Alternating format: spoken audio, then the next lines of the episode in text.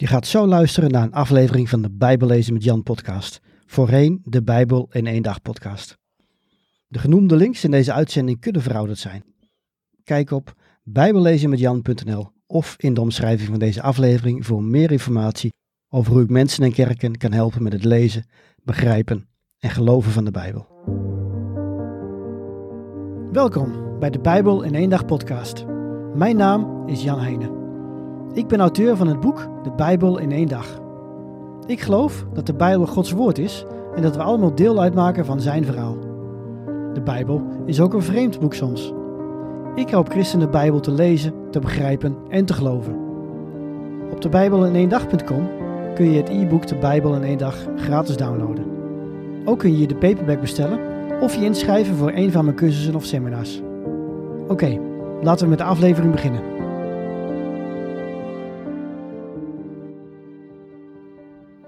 En we gaan verder met 1 en 2 kronieken.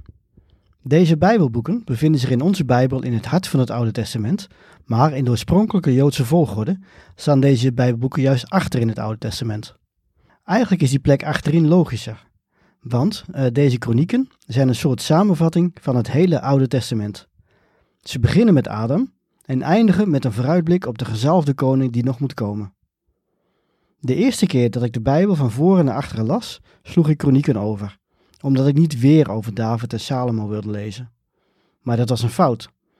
Er zit wat herhaling in deze Bijbelboeken, als je het vergelijkt met Samuel en met koningen. Maar waar die vorige historische boeken vooral naar het politiek-menselijke aspect keken van deze gebeurtenissen, zijn 1 en 2 kronieken juist geestelijker van aard. Net zoals 1 en 2 Samuel en 1 en 2 koningen vormen 1 en 2 kronieken één boek maar er was te veel tekst om op één boekrol te passen. Vandaar de opdeling van kronieken in één en twee kronieken. De verhalen in deze Bijbelboeken zijn na de ballingschap opgeschreven. Misschien door Ezra. Daar gaan we het de volgende keer over hebben, maar het zou ook iemand anders kunnen zijn geweest. Hoe het ook zij, na de ballingschap keerden de stammen Juda en Benjamin terug naar het land dat eens aan Abraham was beloofd. En wat troffen ze daaraan? Een hard leven, voortdurend bedreigd door omringende volken. Als natie stelde Juda weinig voor.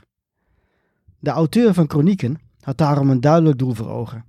Het volk weer hoop geven door hen te wijzen op hun verleden, waarin God zijn trouw liet zien, en het volk afwisselend zijn ontrouw en vertrouwen.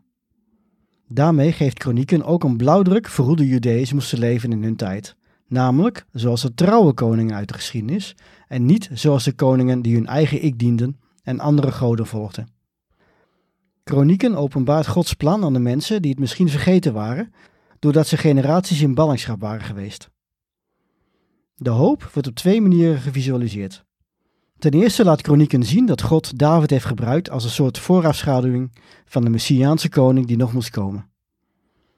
Daarom ligt de focus op de dingen die David goed deed en niet op zijn zwakheden, die er natuurlijk ook waren, zoals we in de vorige Bijbelboeken zagen. De hoop die naar voren komt, ligt dus in een koning die nog niet is geweest.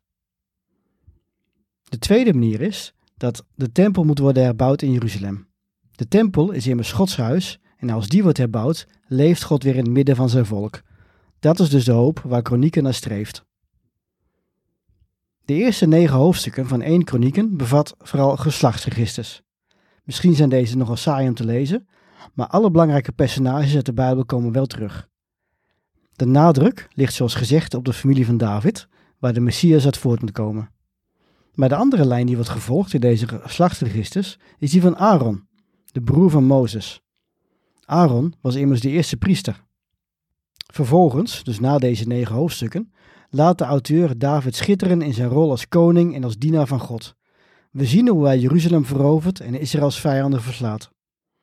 Ook komt terug hoe God zijn verbond sluit met David. Daarna komt er informatie die we nog niet hadden uit de vorige Bijbelboeken. David blijkt namelijk de ontwerper te zijn van de tempel van Jeruzalem. En hij vertelt Salomo hoe hij na zijn dood de tempel moet bouwen en wat voor ceremonie er nodig is om deze in te wijden. Daarna gaan we over naar twee kronieken. In dit Bijbelboek is David inmiddels gestorven en bouwt zijn opvolger Salomo de tempel. God vult die tempel met zijn glorie. De welvaart die Israël tot aan de dood van Salomo ervaart is ongekend. Na Salomo's dood scheurt het koninkrijk. En vanaf dit moment volgt Kronieken alleen nog de lijn van de koningen van Juda en niet die van het tienstammenrijk. Hier zien we nog duidelijker dan in Koningen dat het goed gaat met het land wanneer de koning trouw is aan God. Er is veel tegenspoed tijdens koningschappen die tegen de lijn van God ingaan. Maar we zien in het Bijbelboek ook dat zelfs Juda en Benjamin te ontrouw zijn en uiteindelijk worden ze weggevoerd in ballingschap, precies zoals God eerder had voorspeld. Later zouden ze terugkeren. En details over die terugkeer lezen we in de boeken van Ezra en Nehemia. Twee kronieken eindigt zacht gezegd erg vreemd. Want plotseling wordt Cyrus opgevoerd. Dat is de koning van Perzië in die tijd. En hij zegt: Alle koninkrijken van de aarde heeft de Heer, de God van de hemel, mij gegeven. Hij heeft mij opgedragen om voor hem een tempel te bouwen in Jeruzalem, een stad in Juda. Laten al diegenen onder u die tot zijn volk behoren zich verzekerd weten van de hulp van de Heer, hun God, en daarheen gaan. Dit is letterlijk de laatste zin van het Bijbelboek Kronieken. Het is alsof hij niet eens is afgemaakt. Waarin wordt hij nu een Persische koning opgevoerd, die God eert en zegt dat God hem de opdracht heeft gegeven om in Jeruzalem een tempel te laten bouwen.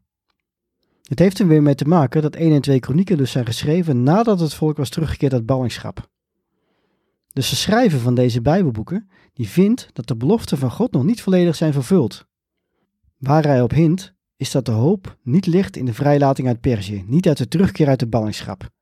Nee, de hoop ligt in de Messias die nog moet komen en die de relatie tussen God en mensen zal herstellen. Daarom wordt hier zoveel nadruk gelegd op de tempel. En dit is een prachtige manier om het Oude Testament af te sluiten. Want het eerste boek van het Nieuwe Testament begint met de komst van de nieuwe Adam, van die koning, van die Messias, waar Kronieken dus al naar hint. Wij zijn er echter nog niet, want wij gaan eerst verder met Ezra en Nehemia, die een belangrijke rol speelden bij de terugkeer van de stammen Juda en Benjamin naar het beloofde land.